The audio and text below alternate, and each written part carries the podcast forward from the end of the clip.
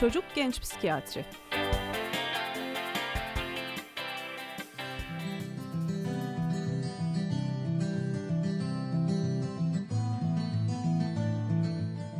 Trakya Üniversitesi Radyosu Radyo Güne Bakan stüdyolarından tüm dinleyicilerimize sağlıklı mutlu bir gün dileklerimizle yeni bir çocuk genç psikiyatri programına başlıyoruz.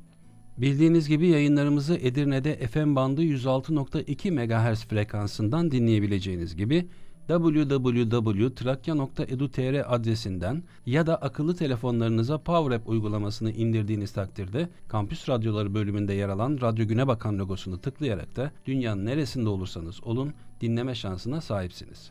Ben sunucunuz Doktor Öğretim Üyesi Başar Atırnaz, program yapımcınız Trakya Üniversitesi Tıp Fakültesi Çocuk ve Ergen Ruh Sağlığı ve Hastalıkları Ana Bilim Dalı Başkanı Profesör Doktor Sayın Işık Görker ve yine aynı ana bilim dalından Doktor Öğretim Üyesi Sayın Hasan Cem Aykutlu ile birlikte beslenme konusunu konuşmaya devam edeceğiz. Geçen hafta programımızı dinleyenler hatırlayacaktır. Beslenme konusunu konuşmaya başlamıştık ama süremiz yetmemişti. Bugün özellikle çocuklarda görülebilen beslenme problemlerini ve küçük yaşta görülen yeme sorunlarını derinlemesine ele alıp çözüm önerilerine yer vereceğiz. Ayrıca her zaman olduğu gibi sizlerden gelen soruları da yeri geldikçe cevaplamaya çalışacağız. Sizler de soru, görüş ve önerilerinizi bizlere ulaştırmak isterseniz Türkçe karakter kullanmadan çocuk genç psikiyatri et trakya.edu.tr adresinden ulaşabilirsiniz. E-posta adresini tekrar ediyorum. Çocuk genç psikiyatri et trakya.edu.tr bu bilgilendirmeleri de yaptıktan sonra artık programımıza başlayabiliriz. Değerli hocalarım Profesör Doktor Sayın Işık Görker ve Doktor Öğretim Üyesi Sayın Hasan Cem Aykutlu tekrar hoş geldiniz Radyo Güne Bakan stüdyolarına. Hoş bulduk. Hoş bulduk. Geçen hafta son olarak ebeveyn el kitabında yer alan her çocuğun metabolizma hızı ve vücut yapısı farklı olduğu için kendi çocuğunuzu diğer çocuklarla karşılaştırmayın önerisinin yer aldığı başlığı konuşmuştuk. Dilerseniz bu başlığı kısaca özetleyerek başlayalım konuya. Evet bu konuyu özetleyelim ama aynı zamanda bir hatırlatma yapalım. Bu programımızı ve bundan önceki programlarımızı Trakya Üniversitesi Radyo Güne Bakan'ın Spotify hesabından istediğiniz zaman dinleyebilirsiniz. Aynı zamanda çok yakın zamanda eklemesini yapacağımız Trakya Üniversitesi Tıp Fakültesi Çocuk ve Ergen Psikiyatrisi web sayfamıza bakıp e, orada programlarımızı ayrı ayrı dinleyebilirsiniz. Bu programlarımızı da çok yakın zamanda oraya koyacağız. Şimdi bir önceki programımızda Doktor Cem Bey'in ifade ettiği sözcükle ben başlamak istiyorum ve daha sonra da aslında normal çocuktan belki beslenme problemleri, yeme problemleri üzerinde konuşmamız gerekiyor. Daha problemlere geçmemiz gerekiyor bu programımızda. Şunu belirtmiştik. Aslında beslenme ve yeme davranışı bir anne ile çocuk arasında bir karşılıklılık gerektiriyor. Yani bu bir ilişki. Bu ilişki sıfır yaş itibariyle başlıyor ve beklendiği üzere anne sütünün verilmesiyle başlıyor. Ve geçen programımızda da ifade ettiğimiz gibi o anne sütünün verilmesinde bile çocuğun doyum sağlayabilmesi, iyi beslenilmesi için annenin çocuğu tutma şekli, anne ile çocuğun göz kontağı kurması, çocuğun yatış şekli, çocuğun rahat bir şekilde o meme ucundan sütü alabilmesinden başlayan ve daha sonra da yavaş yavaş çocuğun fiziksel gelişiminin artmasıyla ek gıdalara geçtikten sonra çocuğun el becerilerini kullanarak yeme davranışını geliştirmeye başlamasına kadar giden bu süreçte her zaman bir karşılıklılık gerektiren, bir ilişkiyi gerektiren bir süreç aslında beslenme davranışı ve yeme davranışı. Burada her çocuğun metabolizma hızının ve vücut yapısının farklı olduğunu belirtmiştik ve dolayısıyla hiçbir çocuk birbirine aynı değildir. Birbirinden farklılıklar gösterebilirler ve çocukların yeme alışkanlıkları aslında zaman zaman değişebilir. Bunlar çok üstüne durulmayacak bir stres faktörüyle de olabilir veya başka bir tıbbi nedene bağlı olarak çocukta var olan bir takım sıkıntılardan dolayı bu yeme davranışları değişebilir ama bunlar geçici olabilir. Dolayısıyla çok endişelenmeden, çok kaygı duymadan çocuğu izlemek, çocuğun isteklerine göre ne istediğini anlamaya çalışmak bu yeme davranışının düzgün gitmesi için çok önemli olduğunu belirtmiştik. Hocam burada şöyle bir şey de eklemek isterim. Aileler bu konuşmayı dinlediğinde, bu programı dinlediğinde eğer çocuklarının durumu hakkında bir kafa karışıklığı yaşıyorlarsa, konuşmalarımız bu durumu aydınlatmakta yetersiz kalıyorsa bunu kendileriyle ilişkilendirmesinler. Bu konuda çocuk psikiyatristlerinden ve konumuz beslenme de olduğu için, yeme olduğu için gerekli olduğu durumlarda çocuk doktorlarından da yardım almaktan çekinmesinler. Çünkü bu tanılama süreci, durumu anlama süreci karmaşık bir süreç. Bunu anlayabilmek için bir uzmanlık gerekiyor bu süreç içerisinde. O yüzden bunun hepsini ebeveynlerden bekleyemeyiz ama bu temel bilgiler doğrultusunda hala içleri rahat etmiyorlarsa dediğim gibi her zaman çocuk psikiyatriden ve yeme ile alakalı, büyüme, gelişme ile alakalı diğer durumlarla ilgili olarak da çocuk doktorlarından yardım isteyebilirler. Hazır yeri gelmişken bu durum ailelerin utanacağı, sıkılacağı bir durum değil. Yani hepimiz dünyaya geliyoruz ve bir şeyler öğreniyoruz. Dolayısıyla ailelerimizden bir şeyler görüyoruz, toplumdan, eğitimden bir sürü şey öğreniyoruz. Ama bir taraftan da anne baba olmak hele ki ilk çocukta daha önce deneyimi olmayan bir şey. İşin içerisine duygular katılıyor, işin içerisine maddi olanaklar giriyor, işin içerisine gelenekler, kültür giriyor, bir sürü şey giriyor. Dolayısıyla haklısınız. hata yapma olasılığımız çok yüksek. Bu anlamda da ebeveynlere şunu söylemek lazım sanırım. Bunu kendinize sorun etmeyin. Yani bunu söylemek, itiraf etmek bir problem değil. Asıl olan bunu çözmek. Evet. Değil mi? Evet, evet. Çok çok haklısınız. Bu sorunlar yani her zaman çocuk yetiştirmede mutlaka kendi konumunuz ve kültürel özelliklerinizi de işin içine kattığınızda çok çok sorunlar önünüze gelebilir. Önemli olan çözümü nereden, nasıl bulacağımızı bilmek. Bunlar zaten yarısını çözmek anlamına geliyor aslında. Tabii beslenme problemlerinden de biraz söz etmemiz gerekiyor. Çünkü çocuklarda bazen çevresel faktörlerle ki bunların neler olduğunu şimdi birazdan ifade edeceğiz. Ben Cem'e sözü vermek istiyorum. Ve bu beslenme problemlerinin de aynı zamanda nedenleri bazı tıbbi nedenler de olabilir. Bunların neler olduğunu ve neler görülebildiğini bu problemler içerisinde ve nasıl baş edebileceğimize yönelik bazı bilgileri vermenin uygun olacağını düşündük programımızda.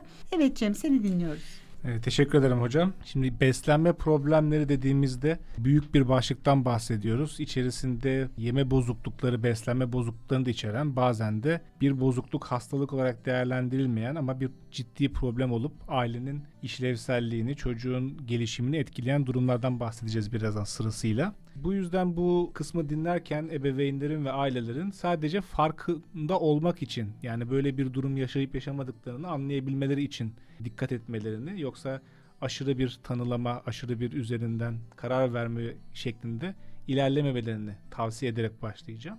İlk bozukluğumuz, bu bir bozukluk, ruminasyon bozukluğu. Aslında ruminasyonun Türkçesi geviş getirme dediğimiz durum. Bu genellikle küçük çocuklarda ortaya çıkabiliyor. Özellikle 0-3 yaş içerisinde. Ama özellikle de yoğun bir şekilde devam ettiğinde biz bir bozukluk olarak ele almaya başlıyoruz. Yaklaşık olarak en az bir aydır devam eden yenilen yutulan yiyeceklerin tekrardan mideden ağza getirilerek çiğnenmesi aynı hayvanlarda görüldüğü gibi bir geviş getirme davranışının olmasıyla karşımıza çıkıyor. Bu durumun diğer tıbbi hastalıklardan ayıran kısmı şurası oluyor. Ortada bu durumu açıklayabilecek yani bu bir reflü olmaması gerekiyor. Reflü dediğimiz durum çocuğun istemsiz olarak yediklerine bir hastalığa bağlı olarak yediklerinin ağzına gelmesi ve bunu çıkarması bazen de kusma şeklinde de tamamlanabiliyor reflü. Ama bu hastalıkta çocuklar bu durumu geviş getirme davranışını sürdürerek ve bazen de hatta istemli bir şekilde yaparak gösterebiliyorlar ve genellikle bu davranışı da yalnız kaldıklarında, tek başına olduklarında gösterebiliyorlar. Zaten bu hastalığın nedenlerine bakacak olursak içerisinde çok önemli bir kısmı nöro gelişimsel sorunları olan çocuklarda karşımıza çıkabiliyor ya da çok ağır ihmale maruz kalmış, istismara maruz kalmış çocuklarda da bu durum karşımıza çıkabiliyor.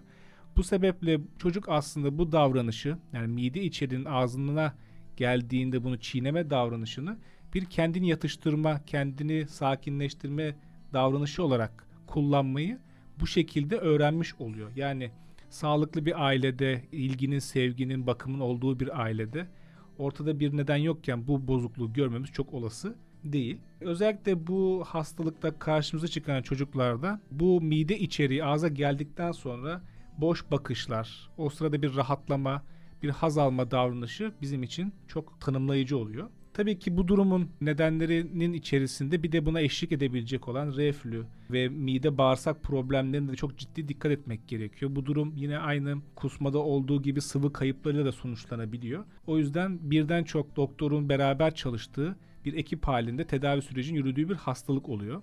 Karıştırmamak gerekiyor tabii. Reflü ile bu hastalığı yani ruminasyon bozukluğunu. Bunu da anlamanın en doğru yolu sanırım bir doktora danışmak. Kesinlikle, kesinlikle. Yani reflüden çok ciddi fark şu şekilde tekrar vurgulamak için söylüyorum. Adı üzerinde olduğu için geviş getirme bozukluğu aslında Türkçesi tam olarak. Yani hı hı. çocuk bu geviş getirme davranışını sürdürüyorsa, en az bir ay boyunca bunu sürdürüyorsa evet biz bunu bir bozukluk olarak ele alıyoruz. Tabii ki bu durum süre kriteri çok önemli değil. Böyle şüpheli bir davranış olduğunda da aileler mutlaka çocuk psikiyatristlerine başvurmalarını şiddetle tavsiye ediyorum.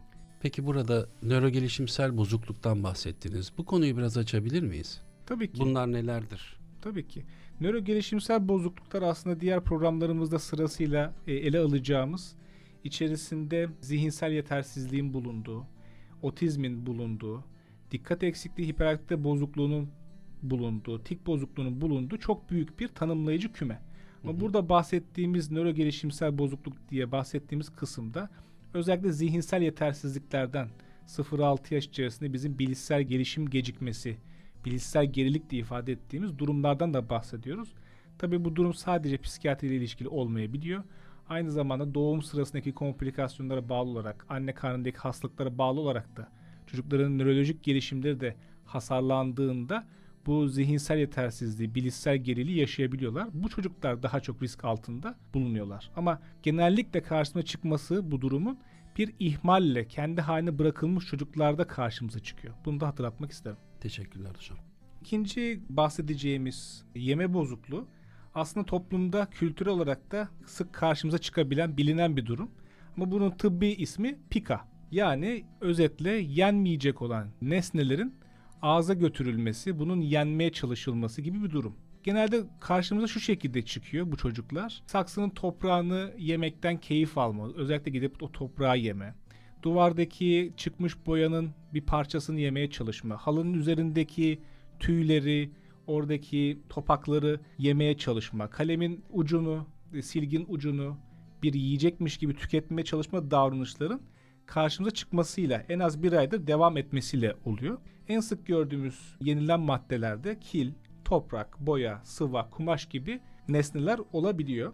Bu durumun ciddi tabii ki sonuçları olabiliyor. Yani bazen çünkü bize başvuran ailelerde ya bir şey değil işte saksıdaki toprağı yiyor bir şey olmaz onun vitamin eksikliği var vitamini topraktan alıyor gibi hatta mizah bile yapabiliyorlar. Fakat yenilmeyecek olan nesnelerin tüketilmesi özellikle sindirim sisteminde ciddi sorunlara, bağırsak tıkanıklıklarına, mide bağırsak problemlerine neden olabiliyor. Ayrıca bu durumun ortaya çıkarılması, neden olduğunu ortaya çıkarılması çok önemli. Hakikaten belli bir kısmında bu hastalıkta ortada bir vitamin veya mineral eksikliği olabiliyor en sık karşımıza çıkan demir eksikliği, çinko eksikliği gibi durumlar olabiliyor. Ama her pikada, her bu sorunu yaşayan çocukta bir demir eksikliği ya da vitamin eks şey, vitamin eksikliği durumu olması şart değil. Peki bu doğumsal bir eksiklikten kaynaklanan bir durum mu yoksa beslenmeyle alakalı bir durum mu? Bu durumu ikiye ayıracak olursak bir kısmı gerçekten biyolojik olarak bir eksiklikten kaynaklı olarak metabolizmanın eksikliğinden çocukların bu yeme davranışına yönelten bir durum olabiliyor. Ama yine ikinci bir durum ki göreceksiniz diğer hastalıklardan bahsederken sık sık vurgulayacağız. Gene ihmal edilmiş, o yaransız kalmış çocuklar da o ağzıyla keşfetme davranışlarını bulunduğu bebeklik döneminin devamında bu ağzıyla nesneleri tanıma, onları oyalanma, oynama şeklindeki durumlar devam ettiği zaman da koşullanma prensibiyle de ortaya çıkabiliyor. Yani bir çocuk bebekliği o oral dönemi, ağzıyla keşfetme dönemi bir yaşına tamamlandığında, dikildiğinde, yürümeye başladığında artık elleriyle dünyayı keşfetmeye başladı. Ellerini daha çok kullandığı bir dönem oluyor. Ama tabii bunun desteklenmesi, ona uygun oyuncakların verilmesi gerekiyor. Bu sürede ihmal edilmiş olan çocuklar bazen bu ağzıyla zevk alma, eşyaları ağzına götürme davranışını sürdürebiliyorlar ve herhangi bir ebeveyn kontrolü olmayınca bu durum bir alışkanlık şeklinde devam edebiliyor. Burada böyle bir hastalıktan şüphelenebilmek için bir ay süreyle bu alışkanlığın devam etmesi gerektiğinin altını çizmek gerekiyor sanırım. Çünkü önceki programlarda bahsetmiştiniz bebeklik döneminde çocuk bazı objeleri ağzına götürebiliyor ve onu anlamak, kavramak için bunu yapabiliyor demiştiniz. Evet, evet. Bu süre kriterinin konmasının amacı yani her ailenin durum hakkında endişelenip harekete geçmesini aslında bir nebze engellemek. Çünkü bu davranışlar geçici oluyor çoğunlukla sağlıklı çocuklarda. Yani hastalık tanısı koymadığımız çocuklarda diyelim ki belli bir dönem bir aydan daha kısa süreli olarak böyle bir birkaç günlük maksimum bir iki haftalık böyle bir süreç olsa da bir süre sonra ebeveynin kontrolüyle uygun bakım verme şekilleriyle beraber bu durum geçebiliyor. Ama geçmediğinde bireyin üzerine çıktığında o zaman mutlaka ve mutlaka çocuk psikiyatrisinde başvurmaları gerektiğini hatırlatmak isterim. Az önce söylediğiniz şey çok dikkatimi çekti. Size gelen ebeveynler çocuğun saksıdaki toprağı yemesiyle ilgili vitaminini topraktan alıyor gibi espriler yapabildiğini söylediniz. Burada sorun olma durumunu kabullenememe gibi bir durum mu var acaba? Çünkü az önce dediniz ya sağlıklı bir ortam olmayan durumlarda bu hastalık gelişiyor diye. Ebeveynler çocuklarını çocuk psikiyatrisi kliniğine getirdiklerinde durumu bu şekilde ifade ediyor olmalarının altında da bir sorun var gibi geliyor bana. Ne dersiniz? Çok güzel bir soru yönelttiniz. Bu konuda en masum cevap bilgisiz olmalarından dolayı bunu söylüyor olmaları. Masum dememin sebebi şu. Çünkü eğer bunun zararlı bir şey olduğunu bilmelerine rağmen çocuğun bu durumu hakkında bu şekilde konuşuyor olmaları aslında bir bilerek ya da bilmeyerek çocuğu ihmal ya da istismar sürecine girdiklerini de bize gösteriyor. Çünkü bir çocuğun ebeveyni yemiş olduğu nesnelerin veya işte ruminasyon bozukluğu gibi davranışlar devam ederken bunu doktora götürmediğini ve bunun sorun olduğunu bilmesine rağmen götürmüyorsa artık bu durumda ihmali ya da istismar da konuşmaya başlamamız gerekebiliyor. İhmal ve istismar konusunu önümüzdeki programlarda konuşacağız. Ebeveyn el kitapları içerisinde yer almıyor ama önemli bir başlık ve dolayısıyla bir programı da buna ayıracağız. O yüzden bu konuyu çok fazla detaylandırmıyoruz. Ama Cem hocamızın söylediği şeyler şu aşamada yeterli sanırım hocam. Evet çok yeterli. İhmal ve istismar konusu başlı başına konuşacağımız gerçekten çok önemli bir konu. Biz kılavuz kitapçıklarımızda bu konuyu ele almadık ama burada konuşmamız çok uygun olur. Ayrıca başka bir konu başlığı altında ele alacağız bunu. Peki dilerseniz çocuklarda görülebilen diğer bir besleme bozukluğuna geçelim. Sanırım en çok bilinen başlıklara geliyoruz artık. Az önce bahsettiğimiz luminasyon bozukluğu ve pika halk arasında pek bilinen hastalıklar değil. Bu sorunu yaşayanlar daha çok biliyor ama en fazla duyulanlardan bir tanesi aşırı beslenme ya da tam tersi aşırı beslenmenin tam tersi yeme reddi ve aşırı seçicilik gibi başlıklar var. Dilerseniz öncelikle aşırı beslenme konusundan bahsedelim biraz. Buyurun hocam. Aşırı beslenme öncelikle şu an bizim değerlendirme kılavuzlarımızda bir hastalık kategorisi olarak ele alınmıyor. Fakat bizim bunu bu kılavuzda özellikle koyuyor olmamız önemli bir problem olduğu için kullandık. Ne demek aslında aşırı beslenme? Önce bir tanımını yapalım. Çocuğun gerekenden çok ya da isteği dışında zorla yedirme şeklinde davranışların olmasını biz aşırı beslenme, aslında aşırı besleme diyoruz. Yani bunu özellikle 0-6 yaş arasında gördüğümüzde genelde annenin ya da bakım verenin çocuğa zorla gürbüz olsun diye, biraz fazla besili olsun diye bu kelimeleri özellikle kullanıyorum çünkü aslında bu şekilde bir yaklaşım sergiliyorlar. Ne kadar kiloluysa o kadar sağlıklı olur gibi bir Evet. düşünce var. Evet. Ya da şöyle olabiliyor. Bazen de anneler çocuklarının her ağlamasını aç olduğu şeklinde yorumladıklarında veya tam tersine çocuğun ağlamasını susturmak için o sıradaki duygusal tansiyonu yatıştırmak için yiyeceği bir ödül ya da yatıştırıcı bir uyaran şeklinde kullanmasıyla gelişebiliyor. Peki hocam burada çok önemli bir detay var. Her ağladığında acıktığını düşünüyor olabilir dediniz. Peki her ağladığında ne için ağladığını nasıl anlayabilir ebeveynler? Onu kısaca açabilir miyiz? Tabii ki çok güzel bir soru yeniden. Özellikle 0-1 yaşta bir çocuğun ağlamasının neden olduğunu bakım veren kişiler sezgisel olarak anlamaya başlayabiliyorlar. Genellikle bebeklerin çoğunluğu acıktıklarında ya da altları dolu olduğunda yani tuvalet ihtiyaçlarını yaptıktan sonra ağlama davranışı olması başlarda bu senkronizasyonu yani uyumlanma sürecini aileler için kolaylaştırıyor. Burada bakım veren kişinin çocuğunun bakımını üstleniyor olması yani primer, birincil bakım verenin stabil ve sürekli oluyor olması zaten bu işin doğal koşullarda sezgisel olarak gelişmesini sağlıyor. Ama yine daha önce de bahsettiğimiz gibi ebeveynin bakım veren kişinin bir ruhsal hastalığı olduysa, başka bir hastalık nedeniyle bakımı, çocukla ilgilenme süresi azaldıysa, o karşılıklılığı, o bağlanma yakalanamadıysa, işte bu noktada o ilişki bozulduğu için bunun akabinde çocuğun ihtiyaçlarını algılayabilme, yani onun zihninde olabilme becerileri de ya gelişemiyor ya da e, farklı sorunlu bir şekilde oturabiliyor. İşte bu durumlarda bakım veren kişiler çocuğun o her huzursuzluk halinin neyden kaynaklandığını anlayamayabiliyorlar. Ve bunun bir reaksiyon olarak da bu durumu yatıştırmak için de dediğim gibi yiyeceği kullanabiliyorlar. Ya da bu ödül olarak kullanılmasına bir örnek çocuk genelde çocuklar ders çalıştıklarında ailelerde işte önüne yiyecek getirme, çerez getirme, ödül olarak işte pasta kesilmesi gibi durumlar aslında bu da bir ödüllendirme davranışı çocuklar için. İşte bu durum da aşırı olduğunda çocuk bu davranışı kendine alıyor ve sürekli her ödül istediğinde, kendine bir haz istediğinde yiyeceği tüketmeye yönelebiliyor. İşte bu durumlar aslında hepimizin de öngörebildiği gibi obezite gibi ciddi hastalıkların oluşmasına bir katkı sunabiliyor. Tabii ki yine bu aşırı besleme sonucunda çocuklarda artık öyle durumlar ortaya çıkıyor ki ishal, aşırı salya üretimi gibi şeylerle bile karşımıza çıkabiliyor. Özetle şunu hatırlatmak istiyorum e, tekrardan. Çocuğun ihtiyacı kadar yemesi en önemli kriterimiz. Zaten bir önceki programımızda bahsetmiştik. Çocuğun ne yiyeceğini, nerede yiyeceğini, ne zaman yiyeceğini ebeveyn karar vermeli, bakım veren kişi karar vermeli. Ama ne kadar yiyeceğine çocuk karar vermeli. Ve ikinci kriterimiz de bir çocuk daha toplu olduğunda özellikle 0-3 yaşta ve arkasından 3-6 yaşta daha toplu olduğunda, daha kilolu olduğunda daha sağlıklı olduğu anlamına gelmiyor. Özellikle yapılan çalışmalar şunu gösteriyor. 6 yaş civarında gelişim eğrilerine göre yüksek kilolu ya da obezite tanısı konulabilen çocukların büyüdüklerinde yetişkinliklerinde çoğunluğu obezite ve morbid obezite dediğimiz ciddi düzeyde obezite geliştirme ihtimalleri çok çok artmış oluyor. Burada bir dinleyicimizin göndermiş olduğu bir soru var tam da bu konuyla alakalı. Ben çocuğumu başından beri dengeli ve doğru beslemeye çalışıyorum. Ama çocuğum haddinden fazla yemek yiyor. Bu durum biyolojik bir durum mudur diye soruyor.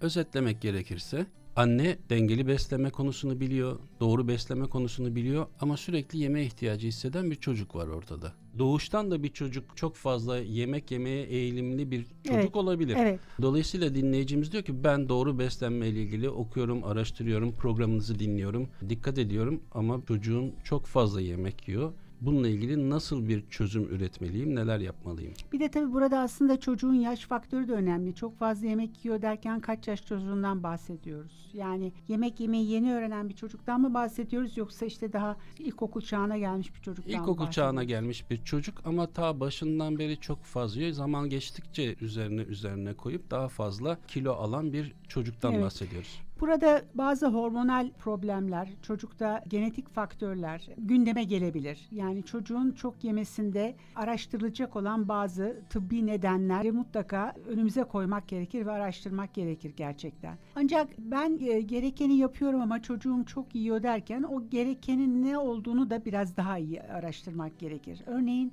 çocuk daha çok karbonhidrat ağırlıklı mı yemeği çok seviyor? Örneğin ekmek çok mu yiyor ya da makarna, pilav çok mu yiyor? Yiyor ve neden bunlara daha çok ağırlık veriyor? Neden diğer besinleri yemek istemiyor? Buralarda biraz yemeğiyle ilgisi olmasa bile çocuğun bu doyum sağlama isteğinin neden kaynaklandığını, yani çocuğun yaşamının, normal yaşam ortamının ne olduğunu, nasıl bir ortam içerisinde olduğunu, akran ilişkilerini, kardeşi varsa kardeşiyle olan ilişkilerini, ebeveynlerle olan ilişkilerini, öğretmenle ilişkilerini veya ders başarısını. Bütün bunlar hepsi bir bütün ve bir bütün içerisinde o yaşam döngüsünde yeme davranışı da aslında zaman zaman bir kurtuluş da olabiliyor. Yeme davranışı da bunların bir çözümü de olabiliyor. Yani bir doyum aracı da olabiliyor. Dolayısıyla bunları e, incelenmesi çok önemli diye düşünüyoruz biz. Ama bazı seçicilikler vardır yemekte. Örneğin çocuklar bazen et yemeyebilirler. Et yemek istemeyebilirler veya peynir yemeyi sevmeyen çocuklar vardır ya da süt içmeyi sevmeyen çocuklar vardır. Bunlar tabii bir seçenektir. Burada zorlamamak gerekir ama bunların yerini tutan yani o proteini nereden alabilir? Daha başka nerelerden alabilir? Ya da başka destekleri bu vitamin desteğini nasıl alabilir gibi düşünerek yemek yemeyi daha cazip nasıl ne hale getirilebilir? Bunun üzerinde durmak gerekiyor. Bir de çocuklar sürekli yemek istediklerinde aslında doymayı da bilmiyor olabilirler. Yani çocukta aslında çocuğu yetiştirirken yani sıfır yaşla başlayan o beslenme rutininde bir önceki programda da dile getirdiğimiz çocuğun aç olduğunun e, hisset, çocuğun kendisinin aç olduğunu hissetmesi, dolayısıyla yemek yemenin belli zamanlar diliminde olması ve o açlıkla doymayı sağlaması. Yani açlığı hissetme ve sonra da yedikten sonra doygunluğu hissetmek çocukların daha ileriki yaşamlarında yeme bozuklukları oluşturmamaları adına çok önemli bir faktör. Eğer doymayı hissetmiyorsa çocuk yani olay sadece bir ruhsal doyum yolunda ilerliyorsa o zaman doyulmuyor zaten. ve sürekli yeme, sürekli yeme davranışı gösteriyor çocuklar ve o zaman da tabii bu bir döngü olduğu için de kırılması zor olabiliyor. Bazen tabii başka nedenleri de olabiliyor. Çocukların yemesinde başka hastalıklar, başka problemler nedeniyle eğer ilaç alıyorlarsa o ilaçların yan etkileri de çocuklarda aşırı yeme davranışı geliştirebiliyor. O biraz tabii daha zor. Üstesinden gelmesi zor bir durum. Çünkü tıbbi olarak çocuğa açlığı getiren ilaç oluyor aslında. O zaman şunu söylememiz lazım burada. Birçok değişkene bağlı olarak farklı durumlar ortaya çıkabiliyor. Dolayısıyla da bunun için kliniğe başvurup sizlerle birebir görüşerek Evet, bir evet. çözüm üretmeye çalışmak Evet, daha birlikte. sağlıklı bir durum olacaktır. Evet, yani ayrıntılı bir öykü alarak onlardan bu konu üzerinde birlikte değerlendirmelerimizi de birlikte yaparak çözüm üretmemiz gerekir. Peki o zaman aşırı beslenme konusuna kaldığımız yerden devam edelim bu sorunun ardından. Aslında konuyu genel hatlarıyla tamamlamış olduk aşırı beslenme ile ilgili. Hocamızın da bahsetmiş olduğu özellikle bu açlık duygusuyla tokluk duygusu bir çocuğun farkındalık geliştirmek için geri bildirime ihtiyaç duyduğu bir şey. Yani acıktım, doydum hatta bunu bebeği büyütürken aileler doğal olarak kendileri bu sözleri söyleyebiliyorlar. Doydum mu, hoşuna gitti mi, oh ne güzel vesaire gibi geri bildirimlerle beraber çocuk aslında bunun bir sözel ifadesini öğrenmiş oluyor. Sonrasında konuşma becerileri geliştiği zaman iki yaşta tam oturduğunda isteklerini rahat bir şekilde ifade etmeye başladığı zaman da aileler onaylayarak zaten acıktım dediğinde acıktın mı ya da işte doydum dediğinde evet doydun miktarı uygundu gibi yani bu, bu süreç içerisinde çocuk bu deneyimi isimlendirmeyi de kazanmış oluyor.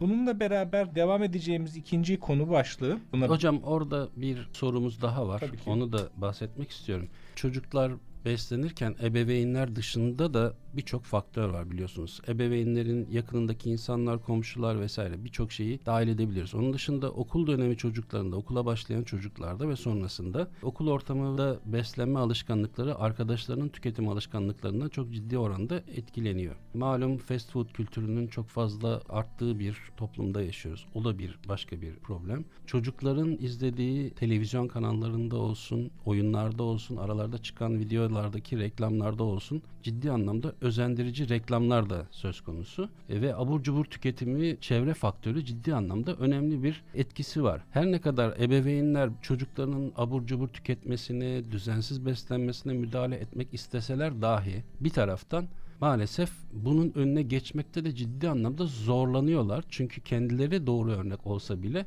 okul ortamında ciddi anlamda bunun tam tersini yapan birçok çocuk var. Ve bu çocuk da doğal olarak buna özenebiliyor. Dolayısıyla dinleyicimiz diyor ki ben her türlü önlemi almaya çalışıyorum ama bu özendirici faktörlerden dolayı okul ortamı, reklamlar, çevremizdeki diğer insanların davranışlarından dolayı istemediğim şekilde bazen abur cuburları abartması ya da beslenmesi ya da ona özenmesi gibi durumlar ortaya çıkabiliyor. Böyle durumlarda nasıl bir önlem almamız gerekiyor? Çocukla nasıl bir diyalog kurmak gerekiyor? Bunun önüne nasıl geçilebilir?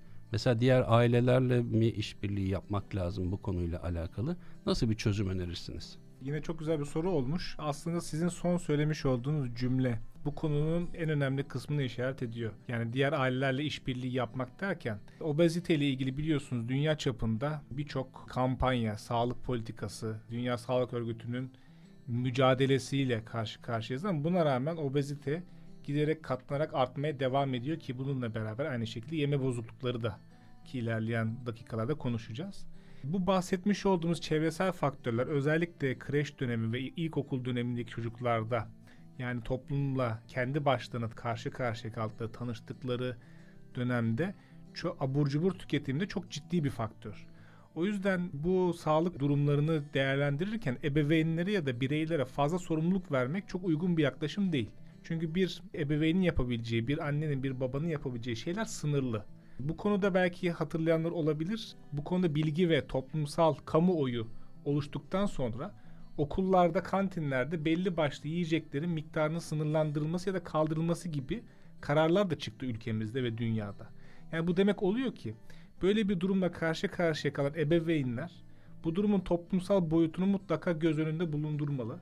Eğer ellerinden gelen bir şey varsa bunu ebeveynler olarak bir araya gelip okul yönetimine önce yerelden belki sonrasında da kamuoyu oluşturarak bir sağlık politikasını yönlendirmek amacıyla da faaliyetlerde bulunabilirler. Hatırlatmak istediğim nokta bir ebeveyne bütün bu sorumluluğu verip de senin çocuğun abur cuburu sen kontrol etmediğin için tüketiyor ya da uygun davranmıyorsun. O yüzden bu çocuk bu alışkanlığı kazanıyor demek biyopsikososyal perspektiften bakan biz hekimler için tabii ki uygun bir cevap olmuyor. Ama çocukla iletişim kurarken çok güzel o kısımdan da bahsettiniz aslında. Bu durumu özellikle ilkokul döneminde çocuklarla iletişim kurarken nedenlerini açıklamak aslında düşünülenden çok daha fazla etkili olan bir durum. Yani çocuğunuzu karşınıza aldığınızda, ona zaman ayırdığınızda, durumu önce ona bir sorup ne düşündüğünü, ne bildiğini sorduğunuzda, önce bir bilgi düzeyini kontrol ettiğinizde, eksiklerini tamamladığınızda da yanlış bildiği şeyleri tekrarlayarak, süreci içerisinde tekrarlayarak öğrettiğinizde çocukların önemli bir kısmı bu davranışlarını artık eskisi gibi sürdürmüyor. Biz de bunun farkındayız. Zaten bu bir ebeveynin tutarlı ve sürekli bir şekilde bu şekilde uygun sınır koyması, çocuğunu dinlemesi ve takip etmesi zaten birçok sorunun çözümünde en önemli yapısal faktör olarak karşımıza çıkıyor. Peki hocam çok teşekkürler verdiğiniz cevap için.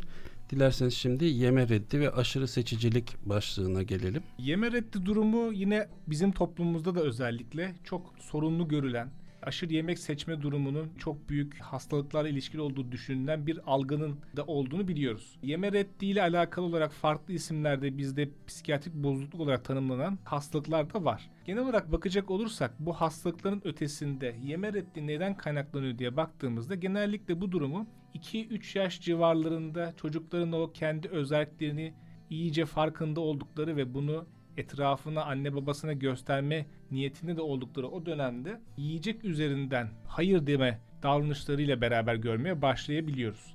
Veya bazı çocuklar hakikaten metabolizma farklılığı olduğu için daha az iştahlı oldukları için de fazla verilen ya da artı bir şekilde verilen yiyeceği reddetme davranışı durumu olduğunda da karşımıza çıkabiliyor. Ebeveynler bu durumu bir yemezse hasta olacak gibi değerlendirdiğinde bu bir kısır döngüyü başlatabiliyor. Çocuk da aslında doymuş olduğu için, istediği kadar yediği için yemeği reddettiğinde ebeveyn doymamış olduğunu düşündüğü için ve hasta olacağına inandığı için bu davranışı sürdürdüğünde işte bu yeme reddi ve aşırı yemek seçmenin temellerini aslında hastalık olarak görmeye başlıyoruz. Yemek seçicilik biraz önce Işık hocamızın da bahsetmiş olduğu gibi bir çocuk kendi damak lezzeti gelişirken ki biz bunun 6 yaşa kadar devam ettiğini biliyoruz. Özellikle ilk 3 yaş damak lezzetinin gelişmesinde çok önemli. O yüzden de ailelere ek gıdaya geçilirken ve sonrasında mümkün olduğu kadar çeşitli ve sağlıklı yiyecekleri çocuklarına sunmaları, tattırmalarını tavsiye ediyoruz. Bu sırada çocuğun o sırada hoşuna gitmediği bir yiyecek olduğunda da bir önceki programda konuşmuştuk nasıl davranması gerekiyor ebeveynlerin konuyla ilgili olarak. Bu durumu ama biraz önce bahsettiğim gibi bir zorlama, bir tutturma şeklinde hem e, çocuk hem de ebeveyn başlattığında işte bu kısır döngünün sonucunda hastalıklar gelişebiliyor. Burada gördüğümüz ana faktörler zıtlaşma ya da pazarlık usulü yemeklerin yedirilmesi gibi bir durumla sonuçlanabiliyor. Bu durum bazen o kadar ilerleyebiliyor ki çocuğun büyüme gelişme durumunu kadar aksatacak kadar veya ciddi vitamin mineral eksikliğine yol açacak kadar yeme seçiciliğiyle karşımıza çıkabiliyor. Tabi bu durumu yol açan yine ilerleyen dönemlerde konuşacağımız başka önemli bir hastalık daha var.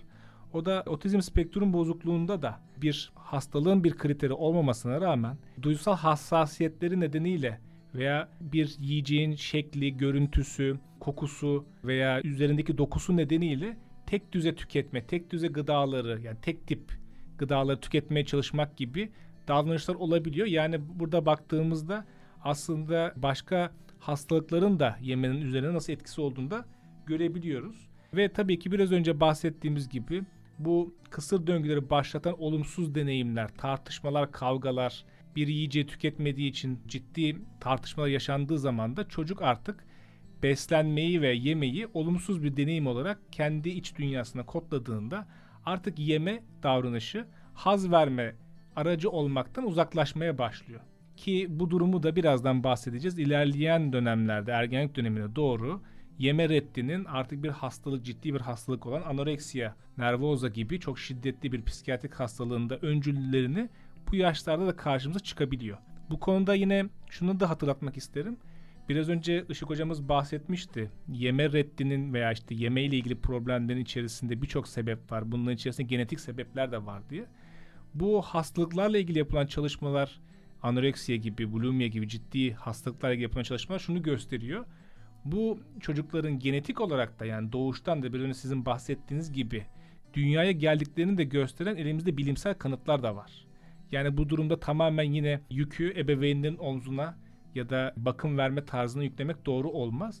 İşte bu kadar aslında psikiyatrik hastalıklar karmaşık bir nedenselliğe bağlı olduğu için ve her hastanın kendi öyküsü biricik olduğu için böyle bir durumda şüphelendiğiniz bu durumda en uygun davranış çocuk psikiyatristinizle iletişime geçmek ya da bir muayene veya danışmanlık almak için gelmek oluyor. Az önce söylediğiniz bir kelime benim dikkatimi çekti. Özellikle pazarlık etmek, yemekle ilgili çocukla pazarlık etmek. Burada sanırım ebeveynler çocukların yemek yemesiyle ilgili pazarlık ettikleri zaman çocukla anne baba arasındaki hiyerarşinin ortadan kalkması ile ilgili bir durumu da ortaya çıkarıyor diye düşünüyorum. Ne dersiniz? Tabii çok haklısınız. Çünkü pazarlık etmek hiyerarşiyi ortadan kaldıran bir şey. Karşı karşıya karar vermeyi getirir. Evet karar vermek belki çocuğun ihtiyaçları açısından o esnekliği sağlayacak bir durum olabilir karşılıklılıkta ama bir hiyerarşik bir sürecin mutlaka olması lazım. Yani annenin bazı konularda kararlı olması ve kararlı olarak hareket etmesi gerekiyor çocuğu beslemesinde de. Dolayısıyla bu pazarlık sözü altında yapılanlar daha ileride iyi kullanılmayabilir ve dolayısıyla sağlıklı bir süreç yaşanmayabilir daha sonrasında da bu davranış içerisinde. Beslenme konusunun yer aldığı Ebeveyn El kitabının bu bölümünde 3 önemli bilgilendirme var. Dilerseniz bu bilgilendirmeyi de detaylandıralım hocam. Bunu sırasıyla söyleyeyim isterseniz. Evet Çünkü lütfen bu hocam önemli. çok önemli evet. Şimdi çocuğun yemek ile ilişkisi aslında yedirenin davranışıyla çok bağlantılı. Yani yedirenin davranışının e, da kendi ruhsal durumuyla bağlantılı olduğunu biliyoruz. Yani ne kadar ebeveyn endişelerini yansıtırsa çocuğuna, ne kadar kontrol edici olursa, ne kadar titiz olursa bir o kadar da karşındakine yani çocuğa bunları yansıtarak, aktararak onu da kaygıya sevk ediyor onu da sanki kontrol etmesi gereken ya da kaygı duyması gereken bir davranış yapıyormuş gibi hissettirmeye başlıyor. Ebeveynin kendi yeme tutumu ile ilgili sorunlar çocuğun beslenme ilişkisine yansıyor. Yani kendisinin aşırı titiz bir biçimde bu yeme davranışını gösteriyor olması, işte bir şeye dökmemeye çalışması ya da işte sırasıyla yedirmeye çalışması ya da miktar konusunda çok hassas olması, o sıra çok kaygılı olması, yani başka bir şeyi düşünürken çocuğun o yemeği yedirmeye çalışması, sanki bir görev yapıyormuş gibi tıkarcasına yedirmeye çalışması, aslında orada bir çocuğa doyum sağlatmak amacıyla değil de sanki bir görev yapıyormuş, hani besliyormuş. Biraz da şey yok mu hocam orada iyi ebeveyn olmanın gereğiymiş gibi bir tavır var genel olarak sanki. Ee, yani o da var ama her zaman o olmayabiliyor. Her zaman değil tabii ama. O, o her zaman e, düşünülerek yapılan bir şey ben olmayabiliyor. çocuğumu çok seviyorum. O yüzden de işte Ee, yemeğine dikkat ediyorum. Aman iyi yesin, hasta Tabii olmasın, bu, zayıf düşmesin. bu da var. Aman az yemesin, aman zayıf Hı hı. düşmesin gibi bir kaygı da var. Bu da Evet. çok yansıtılan bir Hı hı. kaygı olduğu kadar bir de yemek o kadar yemek yedirmek ya da yemek yemek o kadar bir rutine giren bir durum oluyor ki artık orada artık o sıra başka konular da aklında yaşarken anne yani o sıra çok kaygılı olabilir, başka bir şey düşünüyor olabilir, dışarıdan yeni gelmiş, işten yeni gelmiş olabilir veya başka bir konuyu düşünürken de yemek yeme davranışı olabiliyor. Yani biz de yerken bazen çok düşünerek yiyip yediğimizi fark etmeyebiliyoruz veya o zevki alamayabiliyoruz. Çünkü başka sorunlarla meşgulken kafamız gibi. Bunu da çocuğa yansıttığınız zaman işte o artık bir acıktığı zaman doyacağı bir doyum olmaktan çıkıyor. Sanki yapılması gereken bir görevmiş gibi aksettirildiği için çocuk da bundan zevk almıyor tabiatıyla. Burada en önemli konu çocuğun aç ya da tok olmasına dikkat etmeden beslemek çocuğu. Yani çocuk acıktıysa zaten kendisi yemek isteyecektir ama aç değilse onu zorla beslemek hiç güzel bir davranış değil. Çünkü o zaman e, ağzına bir şeyleri tıkmak ve tok hisseden bir çocuğa zorlamaktır. Bu da aslında bir reddetmeyi de getirebilir daha sonrasında. Veya çocuk açken çok daha fazla yedirmek. Yani hani doysa da bu yetmedi çünkü bununla alamazsın daha fazla alman lazım ki işte daha çok protein almalısın gibi. Yani çocuğun doyması ve dur demesine fırsat vermek gerekir. Bunu hep yaptığın zaman çocuk zaten acıktığında yemek ister ve doyana kadar da yer. Yani bu kendiliğinden gelecek olan bir spontan davranışı kendi kaygılarımızla bozduğumuz zaman çocukta kaygı bozukluğuyla birlikte giden yeme davranış bozukluklarına hatta daha sonra da oluşabilecek yeme bozukluklarına maalesef bir zemin hazırlamış oluyoruz. Yani doğru bir şekilde çocukları yetiştirebilmek için ebeveynler olarak kendi ruh sağlığımızı da sağlıklı bir zeminde tutmamız gerekiyor. Evet yani öyle bir zorunluluğumuz da var bir yerde. Hem kendi sağlığımızı korumak adına var hem de sorumluluğunu aldığımız çocuğumuzun da sağlığını korumak adına gerekli. Birazcık da şöyle diyebilir miyiz mesela? Kendi kaygı bozukluklarımız zaman içerisinde eğer bunları çözmezsek yetişkinler olarak çocuklarımızda farklı kaygı bozuklukları olarak ya da farklı psikolojik sorunlar olarak gelecekte onların karşısına çıkabilir diyebilir miyiz? Büyük bir olasılıkla çıkabilir evet. Çünkü kaygı bozukluklarında daha sonra yine ayrıntılı olarak bu konu üzerinde konuşacağız. Genetik faktörler olduğu kadar çok büyük çevresel faktörlerin rolü var. Yani bir çocuğun kaygılı olmasında öncelikle çevre faktörü olan ailesine bakarız. Ebeveynlerinin kaygılarını değerlendiririz. Peki bir dinleyici sorumuz daha var. Diyor ki benim çocuğum kromozom 21 bozukluğu olan bir çocuk. Beslenme konusuyla ilgili sıkıntılar yaşıyorum ve kontrol etmekte zorlanıyorum. Çok fazla aşırı kilo alıyor ama yeme alışkanlığıyla alakalı çocuğumu kontrol etmek konusunda sıkıntılar yaşıyorum. Özellikle hem dinleyicimizin sormuş olduğu soru üzerinden kromozom 21 bozukluğu olan bir çocuk veya özel statüde bir çocuğun yeme alışkanlıkları ile ilgili sıkıntı yaşayan ebeveynler neler yapmalı? Öncelikle tabii bu bozukluğun ne olduğunu biliyor olmak lazım. Yani o konuda aileleri bilgilendirmek, bir psiko eğitimden geçirmek gerekiyor gerçekten. Ve bu bozuklukta oluşabilecek olan yani burada işin içinde beslenme ve yeme bozuklukları da dahil olmak üzere neler olduğunu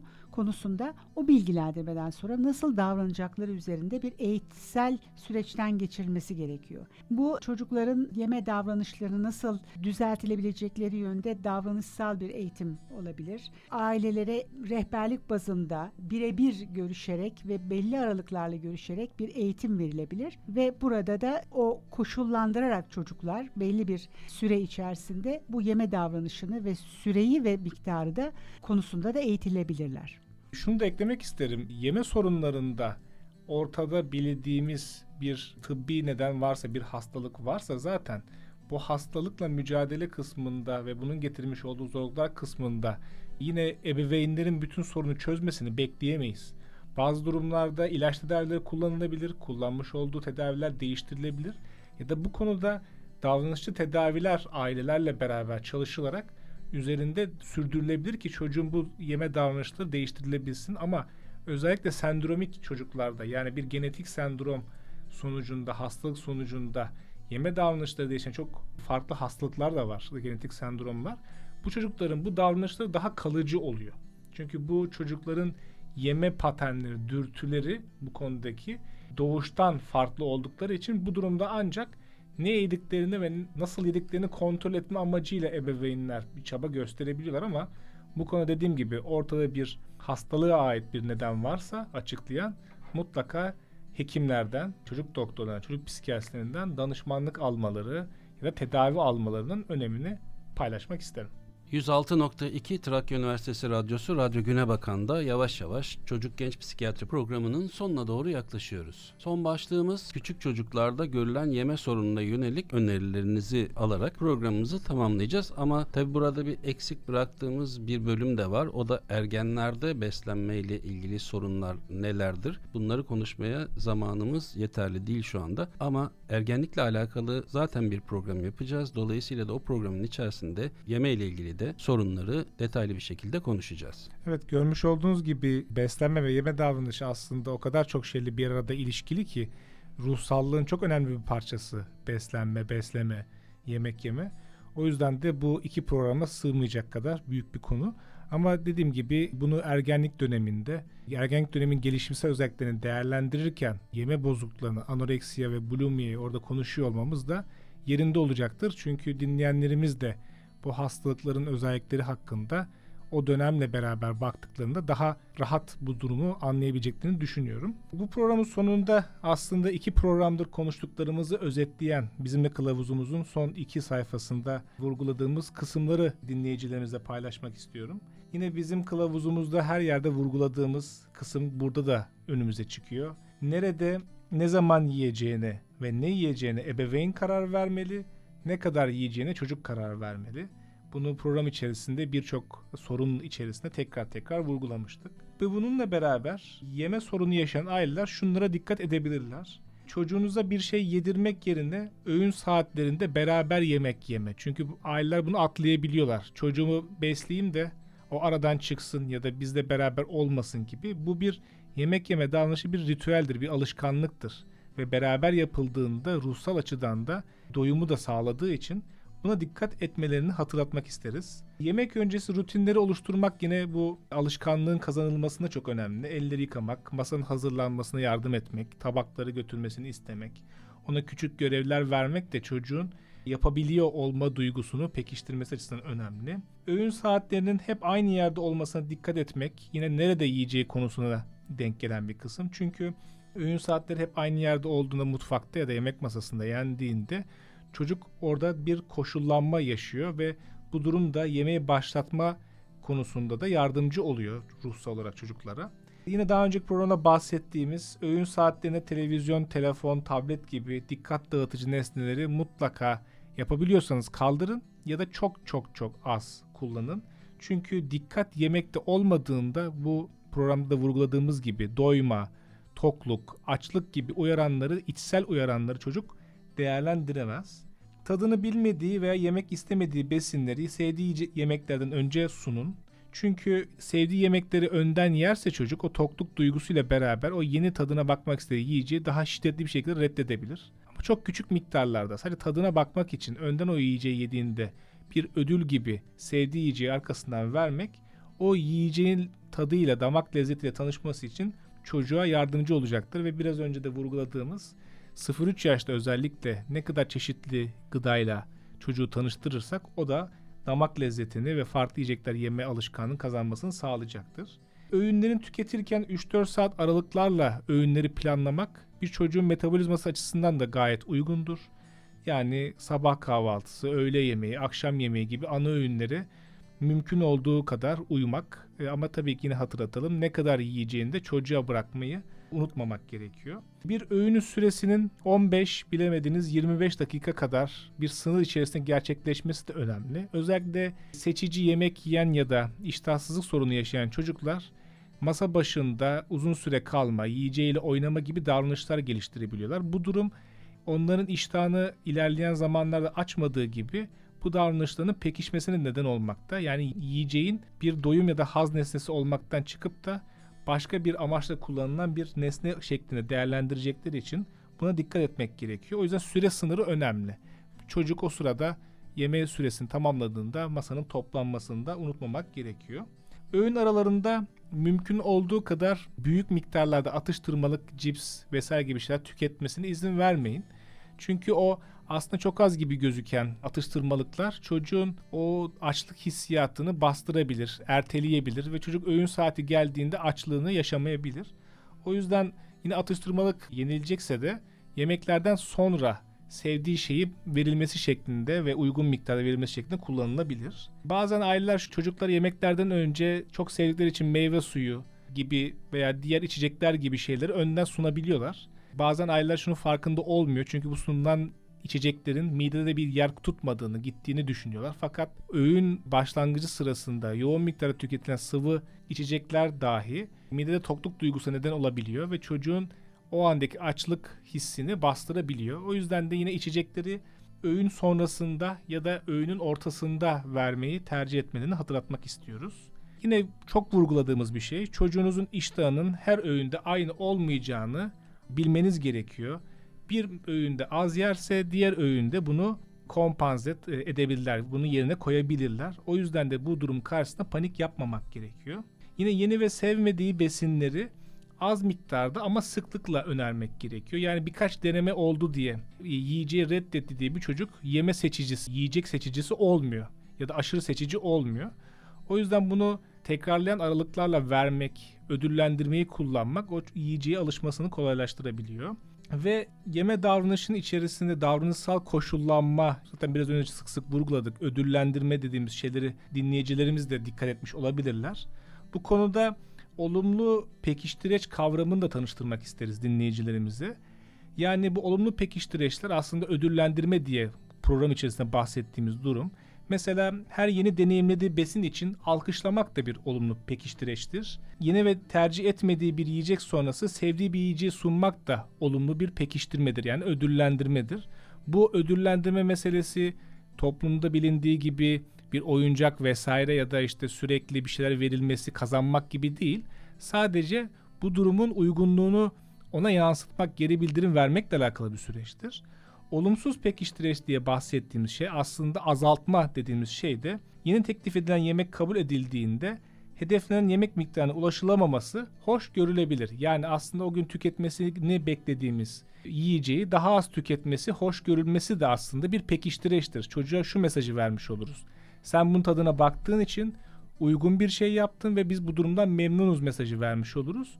Ve bu ilerleyen zamanlarda o yiyecekle tanışması arttığında, onun alışkanlığına girdiğinde bu sefer de miktarına odaklanabiliriz. Yani kademeli bir şekilde yiyecekle aileler bu şekilde çalışabilirler. Tabii ki yine ilk programda bahsetmiştik. Yemek sırasında çocuğun özelliğine izin vermek, etrafını kirletmesine izin vermek, çatal kaşık kullanmasına izin vermek gibi şeyler çok önemli. Çünkü yeme alışkanlığının çok önemli bir kısmı 0-1 yaşta oluşmaya başlıyor. Bunu hatırlatmak isteriz. Ve tabii ki de 1 yaşından sonra biberonun kesilmesi, çatal kaşık gibi uygun araçların kullanılmasında mutlaka ailelerin uygulaması gerekiyor. Çünkü bir çocuk kendi halindeyken biberonu bırakması, kendi kendineyken kaşık çatal kullanmayı öğrenmesi çok olası olmuyor bazı çocuklar haricinde. Ve tabii ki de çocuk eğer yemeği sonlandırdıysa herhangi bir sebeple artık yemek istemiyorsa ve karşı geliyorsa zorla beslemeye çalışmamak da belki de son üstünde durmamız gereken madde. Zorla beslemek yine bu program içinde konuştuğumuz gibi kısır döngünün oluşmasına ve yemenin yiyeceğin olumsuz, uygunsuz bir uyaran olarak kodlanmasına neden olabilir. Son olarak sizden önümüzdeki programda konuşacağımız konu başlığını dinleyicilerimize aktarmanızı rica ediyorum. Ben teşekkür ediyorum Doktor Cem Bey'e çok güzel anlattı tüm beslenme bozukluklarını bize özet halinde. Ben bu beslenme kılavuzunun hazırlanmasında yine emeği geçen araştırma görevlisi Doktor Çisem Kılıç'a teşekkür etmek istiyorum. Bizim asistanlarımız yani eğitim alan asistanlarımızın çok emeği var bu kılavuzları hazırlamada. Bugün beslenme konumuzu konuştuk. Daha ileriki dönemlerde beslenme problemlerinin biraz önce Cem'in de ifade ettiği gibi yeme bozukluklarına yol açabileceğini de söylediğimiz için ergenlik döneminde ve erişkinlikte de devam edebilecek olan yeme bozukluklarından da ergenlik döneminde bahsetmek istiyoruz, söz etmek istiyoruz size. Bir sonraki programımızda artık 3-6 yaş dönemi çocuk özelliklerini size aktarmak istiyoruz ve bununla birlikte aynı zamanda tuvalet eğitiminden söz etmek istiyoruz. Çünkü zaten o döneme denk gelen bir süreç bu. Sanıyorum yine bir iki programlık bir program olacak ki programı da içine alacak diye düşünüyorum. Çünkü hem 3-6 yaş çocuk özelliklerini ele alacağız hem de bunun içerisinde tuvalet eğitiminde neler üzerinde durulmalı ve tuvalet eğitimi eğer uygun şekilde gitmiyorsa çıkabilecek olan karşımıza sorunlar nedir ve bunlar bazı bozukluklara yol açabiliyorlar mı? Onlar üzerinde konuşacağız. Trakya Üniversitesi Tıp Fakültesi Çocuk ve Ergen Ruh Sağlığı ve Hastalıkları Anabilim Dalı Başkanı Profesör Doktor Sayın Işık Görker ve Doktor Öğretim Üyesi Sayın Hasan Cem Aykutlu vermiş olduğunuz değerli bilgiler için çok teşekkür ediyoruz. Biz teşekkür ederiz. Biz teşekkür ederiz. Haftaya yine salı günü saat 14'te Trakya Üniversitesi Radyosu Radyo Güne Bakan'da 106.2 frekansında birlikte olmak dileğiyle. Hoşçakalın, sağlıcakla kalın. Çocuk Genç Psikiyatri